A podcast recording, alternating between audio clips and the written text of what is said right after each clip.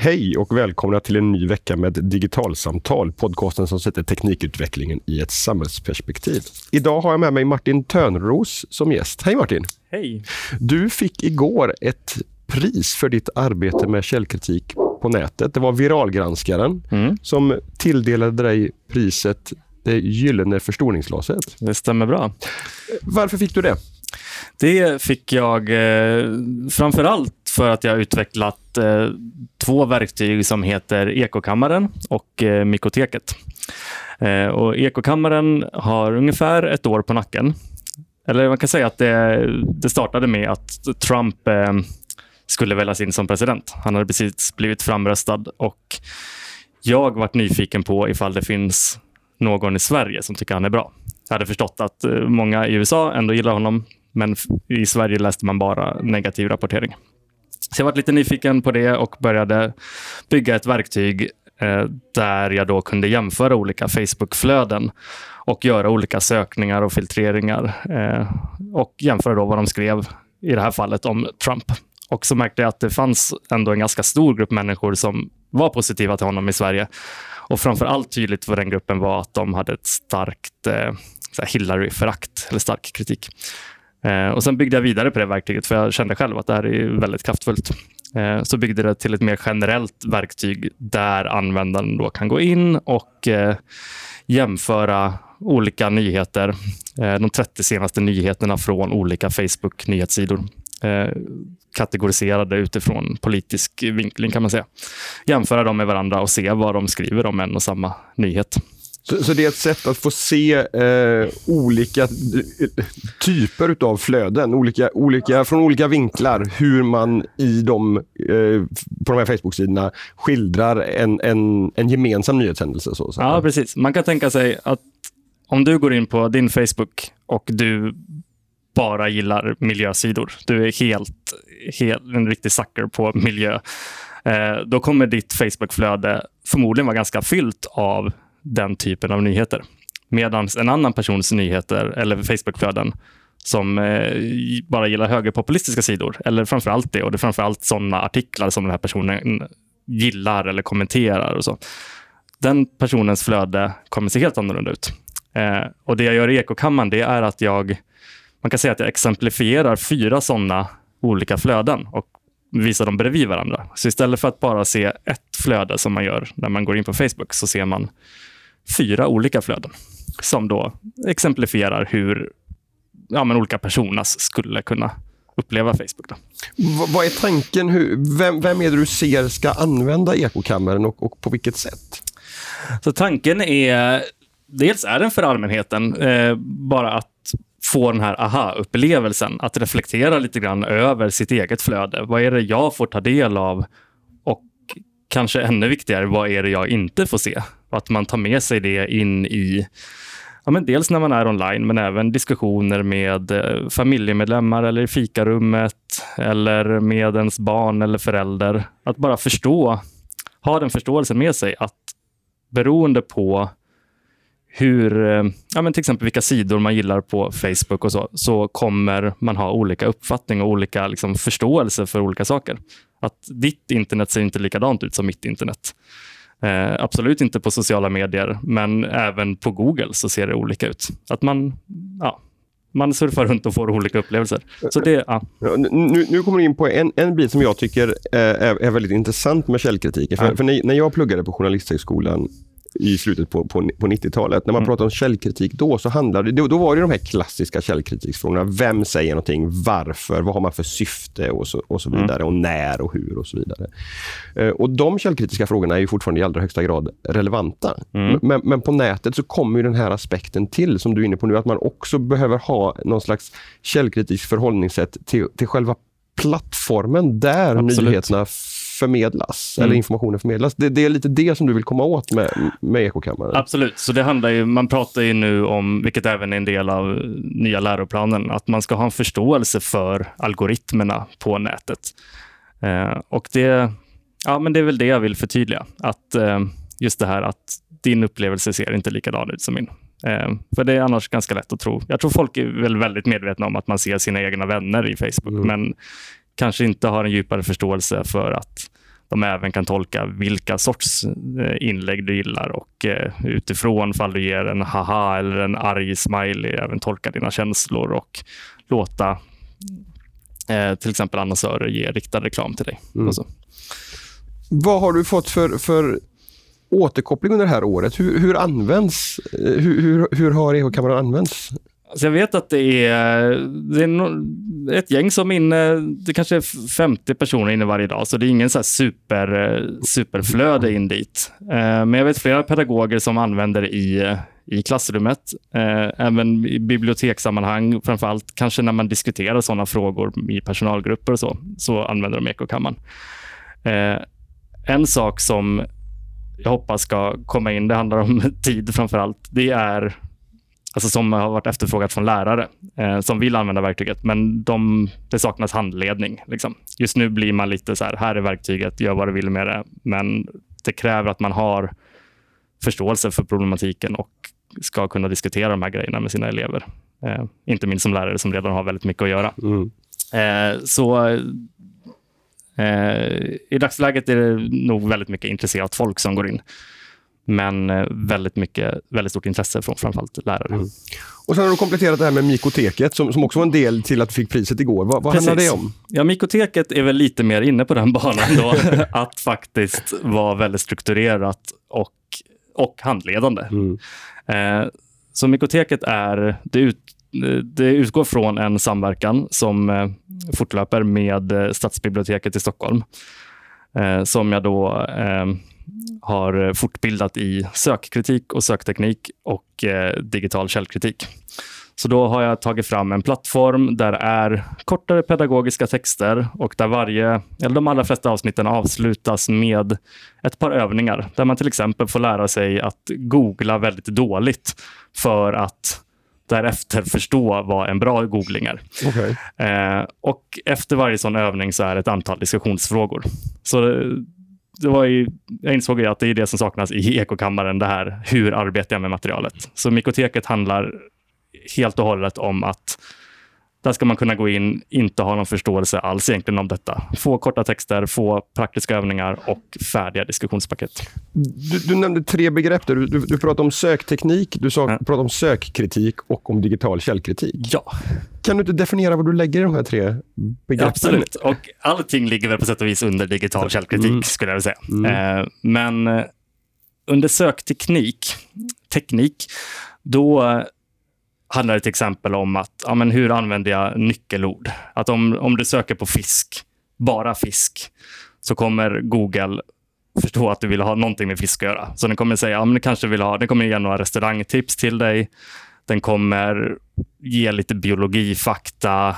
Den kommer kanske ge någon allergiinformation. Den kommer väl inte riktigt veta vad du vill. Plocka lite här och där ja, som skulle kunna vara det som du är ute efter. Mm. Visa en karta, visa lite bilder. Um, Eh, Medan om du söker specifikt på fiskrestaurang så kommer du få, eh, få förslag på restauranger i din närhet där du befinner dig, där du gör sökningen och utifrån vad du har sökt på innan. och Så eh, Så det, det är det sökteknik handlar mycket om. Att lära sig använda nyckelord och till exempel att sätta saker inom citationstecken eller hur man kan använda så specialfunktioner i sökrutan. Att kunna, För, att kunna prata med sökmotorn på ett, på ett språk som gör att sökmotorn förstår vad jag faktiskt frågar efter. Ja, mm. precis.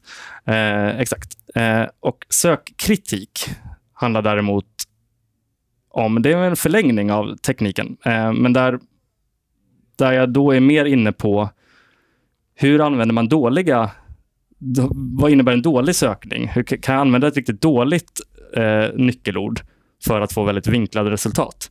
Så att om du till exempel söker på vad är klimatförändringarna, som är en ja, men ganska neutral fråga. Du är nyfiken på vad klimatförändringarna är för någonting. Då, men då kommer du få ganska saklig information från eh, Naturskyddsföreningen eller eh, WWF eller SMHI till exempel. Eh, som jag skulle säga väldigt trovärdig information. Wikipedia kommer förmodligen väldigt högt upp. Eh, Medan om du söker på är klimatförändringarna fake? Vilket är en väldigt relevant frågeställning som du kanske har. Du kanske har hört någon politiker prata om det i en debatt och du kanske är genuint nyfiken på de här klimatförändringarna och undrar, så här, äh, stämmer det verkligen? Du kanske har en kritisk inställning till frågan, är klimatförändringarna fake? Men om du skriver den i en sökruta så kommer Google snappa upp framförallt nyckelorden klimatförändringarna och fake. Och den kommer ge dig på första sidan tio stycken sökresultat som alla har titeln “Därför är klimatförändringarna en bluff” eller “Gå inte på detta stora, denna stora konspiration”. Mm. Um, så det är det som sökkritik handlar om. Att först ha en förståelse om hur sökmotorerna arbetar och hur detta kan bli väldigt fel. Mm. Men, men där du bland annat då, det du är inne på är att, att om, man, om man lastar in värdeord i, ah. i, i, sökrutan så kommer det ge ett helt annat sökresultat än om du försöker själv formulera det på ett lite mer neutralt ja, sätt. Precis. Värdeladdade ord och ledande frågor. Så mm. det är precis som i verkligheten. Mm. Alltså det, um, ställer du ledande frågor till en kompis eller en förälder, då kommer du förmodligen få svar därefter. Mm. Men de kanske ändå är tillräckligt klipska för att förstå att de inte bara ska ge dig tio skäl till varför klimatförändringarna är fejk. Mm. De tänker ett varv till. Mm. Men eh, sökmotorerna försöker ge dig det du vill ha. Varför är det här viktiga förmågor att ha, tycker du? Att, att kunna söka på ett bra sätt och ha det här kritiska förhållningssättet till, till sökresultatet? Jo, men för att det handlar just om att om man sitter på massa fördomar eh, och inte reflekterar över att man har dem, eller man tänker nog inte själv att det är fördomar, utan man, eh, man eh, gör en sökning och så förstärks bara ens bild hela tiden av detta. Eh, och det blir lite så negativ loop också. Om jag tar klimatförändringarna som exempel igen. Skriver man klimatförändringarna är och sen mellanslag i Google sökruta så kommer Google själv att föreslå Eh, vill, men, vill du söka på klimatförändringarna är bluff. Eh, så att det blir liksom en, ja, en spiral som bara spär på hela tiden.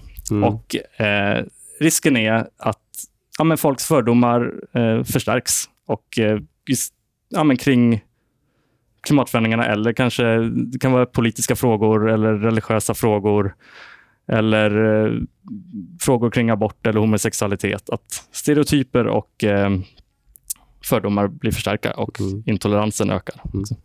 Eh, just nu är det ju eh, ganska stort fokus på de filterbubblor, de personanpassningar och, och liksom sådär som, som sociala medier framförallt bidrar till. Mm. Facebook och, och, och, Google. Men jag hade en sån här liten aha-upplevelse bara för någon månad sedan. Mm. Eh, där vi håller på att titta på en, på en resa i Europa i sommar och vi ville undersöka möjligheten att åka tåg istället för att åka flyga.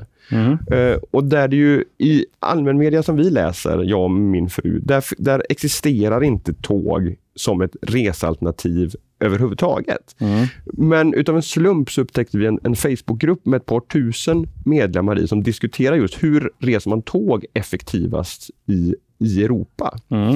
Uh, och, och där då sociala medier faktiskt fungerar som en nål som, som punkterar den filterbubblan som, mm. som, som, vi satt i kring det här. Mm. I, I, vilken utsträckning går, kan, tror du tekniken kan ta den rollen i ett, i ett, bredare perspektiv, nämligen att inte låsa in oss utan vidga våra vyer istället? Här och nu, mm. men kanske framförallt liksom, på sikt. Vad, vad, skulle kunna gå att göra med teknik i de banorna? Mm. Alltså jag tror det finns jättestora möjligheter att eh, spräcka de här filterbubblorna. Att, och det, är ju, det är ju den kritiken som så det finns ju mycket forskning som pekar på att filterbubblor inte är så farliga eller så rigida, ja, men så rigida som andra menar eller som media då kan ha hypat upp det de senaste åren. Liksom. Det har blivit ett litet buzzword. Mm. Um, men jag tror fortfarande att... Alltså jag tror man får ta del av olika sidor på Facebook, men det som man tar del av från liksom meningsmotståndarnas sida, eller det man vanligtvis inte får, det är sånt som liksom skapar väldigt stort engagemang. Som kanske, om, om man tänker sig politik till exempel, så får man kanske ta del av eh, en ganska brett spektra kring det området där man känner sig hemma.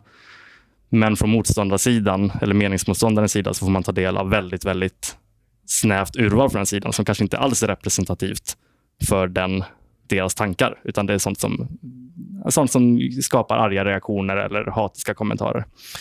Eh, så det är väl där man får kika lite grann på just de här algoritmerna. De är väldigt engagemangsdrivna och det är det som gör att de här bubblorna ändå skapas, tror jag. Eh, men sociala medier och internet överlag, all information finns ju där. Så att jag tror det finns jättestora möjligheter och potential att se över de här engagemangsdrivna algoritmerna och faktiskt börja presentera information som, ja, men som eh, visar andra nyanser. Att om man istället för att Facebook fattar att du gillar det här och bara ger dig mer av det, så vore det fantastiskt om Facebook kunde fatta att ja, men du gillar det här, men har du tänkt på ja. det här perspektivet som handlar om samma ämne? Så att man, den handlar fortfarande om det ämnet du är intresserad av, men den ger dig andra infallsvinklar. Mm. Där tror jag det finns jättestor potential. För de behöver inte ge dig allt du gillar på alla parametrar, Nej. utan de skulle kunna Ja. Mm. Eh, när, när, du är ute och jobbar med, med lärare och bibliotekarier om, mm. om, om de här frågorna, vad, vad, är det för konkreta verktyg du tycker att de behöver ha? Eh, det är svårt. Jag är ju... Jag jobbar ju väldigt mycket med att bara skapa dialog. Mm. Så jag, alltså jag tror att dialogfrämjande verktyg är det som behövs väldigt mycket. För i grund och botten handlar det, alltså det, det är väl det man måste åt, det här mellanmänskliga väldigt mycket. Mm. Liksom, att låta folk prata om de här grejerna och att det är okej okay att folk har olika åsikter och sånt. Det är liksom ingen, det är inte dåligt i sig, liksom, utan sådana verktyg som får folk att mötas. Liksom. Mm. För att folk kommer alltid ha åsikter och har alltid haft olika åsikter i klassrummet. Bara att det tar sig väldigt olika uttryck nu. Mm. Eh, så att ja, men, verktyg som där man kan starta diskussion i klassrummet, eleverna sinsemellan, som ändå främjar tolerans och förståelse för varandra. Mm. Och att så här, man inte ska vara rädd kanske för att gå in på Flashback och se vart ungdomarna får sin information, utan öppensinnade diskussionsfrämjande mm. verktyg. Det tror jag. Sen har jag inga sådana konkreta exempel, liksom, men men, men, men, det du är inne på, på, på med Flashback, där, jag, jag såg eh, några lärare i mitt Twitterflöde som, mm. som eh, dagen efter den här senaste stora skolskjutningen i, i USA ah. eh, skrev om hur deras elever hade följt den via Snap Maps, eh, eh, Snapchats eh, kartfunktion, där, okay. man, där man kan mm. se då vad som snappas från en geografisk plats. Och, liksom, många snaps från en sida syns väldigt tydligt då på den här kartan. Ja. Eh, och därmed då runda liksom, den traditionella nyhetsförmedlingen och går direkt till dem. Eh, eh, men att det var ju väldigt få vuxna i de här barnens närhet som, som kände till det. Ja. och Det tänker jag också är liksom en del ändå i den här källkritiksdiskussionen som blir mm. väldigt lätt som, som vuxen att tappa. Mm. Därför att man, man har inte en bild av var, var dagens unga egentligen hittar sin information. Mm, absolut. För man tror att det är samma kanaler som, som jag följer mm. och möjligen någon annan. Men, men i, i, inte liksom någon, någon, insikt i hur de här fungerar. Vad, vad är din bild när du, när du träffar eh, vuxna som jobbar med barn? I, i vilken utsträckning? Alltså, liksom... Där tror jag, som du är inne på, att man har olika kanaler. Mm. Det, det är jätteviktigt att ha med sig. Och jag tror, ska man diskutera källkritik med barn som ändå är eh, ja, men i den åldern, att de söker upp information och så själva, så är det jättebra att, framförallt kanske som förälder med sina egna barn, sätta sig ner och be barnen förklara hur funkar Snapchat? Vad gör du på Snapchat? Eh, kanske de börjar med att visa hur man skickar bilder till sina vänner. Och sen kan man glida in på och se ja, men vad är det för annan information som kommer till dig och vad är det för ton och jargong i de här olika verktygen. Snapchat eller Instagram eller säkert massa verktyg som jag inte känner till. Um, och det kommer säkert framgå ganska tydligt att det utöver så god ton vännerna sinsemellan så kommer man säkert se spår av nätmobbning och trakasserier och sånt som är väldigt, väldigt förekommande. Och det är också information och data där, liksom, mm. där man kan börja en källkritik i diskussion. Mm. Eh, och, men just det här också med hur information når unga, framförallt nyheter då, då är jag med i ett annat projekt som är eh, ett Vinnova-projekt här på RISE tillsammans med Uppsala universitet och Vetenskap och allmänhet som heter Nyhetsvärderaren. Och där har vi just låtit unga eh, utvärdera trovärdigheten eller bedöma trovärdigheten i sina egna nyhetsflöden. Så då får de ju själva ange vart hittar de den här nyheten och eh, bedöma trovärdigheten efter några olika parametrar. Så bygger vi då successivt upp en databas över till exempel hur, hur trovärdiga nyheter som kommer från just den här, det här ursprunget, hur trovärdiga är de jämfört med om det kommer från DN? Liksom. Hur, hur, långt har ni kommit med det arbetet? Alltså, vi har ju gjort eh, eh, en första iteration som vi körde i höstas. Då var det 6 000 elever som svarade. Var det i samband med Forskarfredag? Eller? Det var i samband med mm, Forskarfredag, precis. Så vi började presentera första resultaten på Bokmässan i höstas. Eh, så vi körde bara under en två veckors period. Mm. Men nu hoppas vi att det här ska fortsätta i vår mm. och att vi ska kunna köra eh, två år framöver och även släppa det till allmänheten. Så nu hittills har vi kört i skolor, högstadie och gymnasieskolor runt om i hela landet. Men att det ska kunna bli ett publikt verktyg. Mm. Men då kommer vi kunna få in och kika mycket mer på just den datan. Vart, vart konsumerar unga nyheter? Och det, även om det är, i slutändan är en artikel som är på svt.se eller DN, så är det även intressant att se men vart hittar de den ursprungligen. Mm. Är det för att de swipade till höger på telefonen eh, eller dök den upp i något annat mm. socialt flöde? Mm. Uh, en annan aspekt som handlar om källkritik är att, att, så här långt i vårt samtal här till exempel så har vi pratat väldigt mycket om det utifrån en, en, en, en bild av en mediekonsument som, som på olika sätt tar del av information som en, en nyhetssajt eller en myndighet eller något annat publicerar och som kommer till mig. Men, mm. men vi har ju också den här mellanmänskliga kommunikationen mm. uh, där, där jag också kan se ett, ett växande behov utav källkritik i form av mm. fejkkonton. Min lokaltidning TTELA skrev i höstas om ett uppmärksammat fall någonstans i Västsverige med, med, med sexuella trakasserier på, på, i sociala medier där någon mm. hade skapat ett konto i en klasskamrats namn och sen började skicka eh, bilder och då utgav sig för att vara den här personen. och så vidare. Och, och Det här är ju också faktiskt källkritik.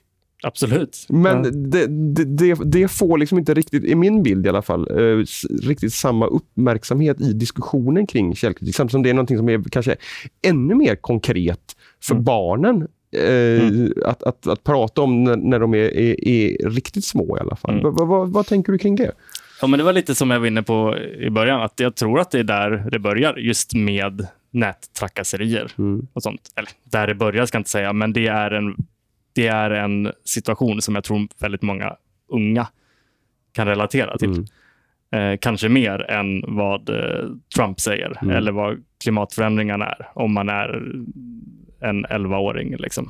Eh, men att få ta emot eh, nättrakasserier, det tror jag att, jag vet inte hur många, men väldigt, väldigt väldigt vanligt förekommande. Mm. Jag tror att det var en tredjedel av, eh, Brå visade senast att en tredjedel av eh, alla unga tjejer som hade under de senaste 12 månaderna blivit trakasser trakasserade på nätet, eller upplevt det. Och en femtedel av alla killar. Eh, och om man då tittar över hela, hela livet och inte bara senaste året så är det nog betydligt mm. högre siffra. Mm. Liksom. Så det tror jag, eh, där tror jag absolut att man ska börja och kan börja diskussionen mm. kring vad är, det, vad är det för information du får ta del av på nätet. Är det här sant? Mm. Och eh, eh, ja, men leda in det på det som du säger, att fejkade konton och sånt. Men även bara, bara ryktesspridning. Mm. Eh, det är otroligt lätt att tagga någon. Eh, alltså om jag, om jag vill sprida ett elakt rykte om dig då kan jag bara, jag behöver inte skapa ett fejkkonto, utan jag kan hitta på någonting och sen taggar jag ditt namn på Facebook och då kommer dina vänner automatiskt få se det mer eh, för att du är taggad. Liksom. Så det är lätt att sprida rykten och information mm. om folk. Mm. Och, och, Det visar ju att, att den här källkritiksdiskussionen behövs även i det lilla sammanhanget. Absolut. Mm. Eh, vi pratade innan vi började spela här om att du just nu håller på att byta ansikte med Donald Trump. Ja, mm. Kan du berätta mer? Ja, eh, det är en diskussion som jag, jag vet inte, ni kanske har pratat om det förut här. Jag har haft uppe det. Mm. Mm, någonting som kallar, kallas för deepfakes och eh, manipulerade videor. Eh, där man då med artificiell intelligens kan träna ett program att ska, skapa en förståelse kring hur mitt ansikte i det här fallet då förhåller sig till Donald Trumps ansikte. Eh, så just nu står min dator och tränar på att förstå hur den kan växla och byta eh, byta mellan våra två ansikten. Så att jag kan klippa in mig själv i Donald Trumps tal och eh, jag kan klippa in Donald Trump i mitt tal. Eh, eller en presentation eller en video som jag har gjort. Eh, och Jag gör det i syfte för att lägga upp det i ett, just ett Mikoteket-avsnitt som handlar om just deepfakes och eh, fejkat bild och videomaterial. Eh. För, för det här ställer ju verkligen källkritiken på sin spets. Vi, vi, jag kommer länka till en, en, ett filmklipp som finns där, där Nicolas Cage är inklippt i ett antal olika Hollywoodproduktioner och där åtminstone jag tycker att ett av de mest skrämmande, fascinerande, häftiga är där han eh, blir, ersätter Harrison Ford som, som Indiana Jones. Där det med, rent visuellt går det inte att, att se att det här är en, en, en manipulation. Mm. Eh, utan det ser verkligen ut som att det är Nicolas Cage som, som, som är skådespelaren. Och det, det här kommer både påverka liksom den här källkritiken. Är det Donald Trump som säger det här eller inte? Mm. Men det kommer också i det här resonemanget. Är det Kalle som gör det här på mm. skolgården eller är det någon som har, har gjort en deepfakes-manipulation? Alltså, mm. så här, kan vi lägga ner källkritik? Eh, nej, vi kan inte lägga ner källkritik. Eh, jag tror att eh, ja, det krävs ju om något ännu mer källkritik. Mm. Eh, jag tror vissa kommer säkert få lite den här uppgivna känslan. Det fick jag när jag såg de här videorna. Att så shit, det här är, det här är väldigt svårt. Liksom. Nu kan man inte tro på något videomaterial. Eh, eh, men eh, det är viktigt att bära med sig att eh, man absolut inte kan tro på allting. Man får en, jag har ändå en förhoppning av att eh, det kommer dyka upp eh, eh, ja, men andra algoritmer som liksom kan avslöja dem. Även om inte vi kan se med blotta ögat att det här är fake så finns det ändå i det digitala materialet saker som eh, antyder att det här materialet är manipulerat. Och de kanske inte kan återskapa originalmaterialet så, men ändå säga att det här är inte ett autentiskt material. Och Det kan vara till exempel med ja, men vattenmärkningar eller något sånt. Då kan man använda olika teknologier som blockkedjor, även fast det inte är min domän. Liksom. Men, men kommer det här bli liksom ett, ett nytt kapprustningsområde då? Där, där det är liksom de som vill utveckla teknik för, för att skapa fejkfilmer kommer jobba på sin front och sen kommer vi ha liksom en, en, en motkraft som, som jobbar med tek, att med teknikens hjälp avslöja de här? Ja, lite så katt-råtta-lek kan det säkert bli. Eh, tills vi kommer på... Eller förhoppningsvis så kommer det någon slags standard för att videomaterial och bildmaterial som publiceras på webben eller i alla fall på etablerade mediesidor. De ska, de ska ha det här formatet som är garanterat icke manipulerat. Alltså någon sån grej skulle jag vilja säga, för då kommer man i alla fall undan det på sidor som då kan märkas som mm. vi, har, vi har trovärdig att man kanske har en, en, en krypterisk, eh, kryptografisk signatur på ett, på ett film, filmsekvens till exempel, så att den inte går att ändra för då kommer den här signaturen förändras också. Ja, precis. Om du har några ko konkreta tips till våra lyssnare när det gäller källkritik på nätet, vad skulle du vilja skicka med dem då? Eh, jag skulle vilja skicka med dem att fundera. Alltså det är ganska bra att starta i sina egna flöden. Eh, det som jag framförallt fokuserar på när jag är ute och pratar om källkritik, det är just det här att vi har olika, internet ser olika ut. Eh, och en väldigt bra startpunkt är att kika på ditt eget flöde i till exempel Facebook. Vad är det för information du ser? Eh, vad är det du får ta del av och varför får du ta del av det? Är det för att du klickar på den där länken igår eller för att du gillar de där fem vännerna? Eh, och kanske minst lika viktigt, fundera på vad det är du inte ser eh, som andra personer får ta del av. Och ta med dig det när du pratar på internet, i diskussionsforum och även när du träffar folk i verkligheten och diskuterar. Och ha det i åtanke att folk har olika information. Och rent konkret liksom kopplat till de källkritiska metoderna, så fundera på vem avsändaren är.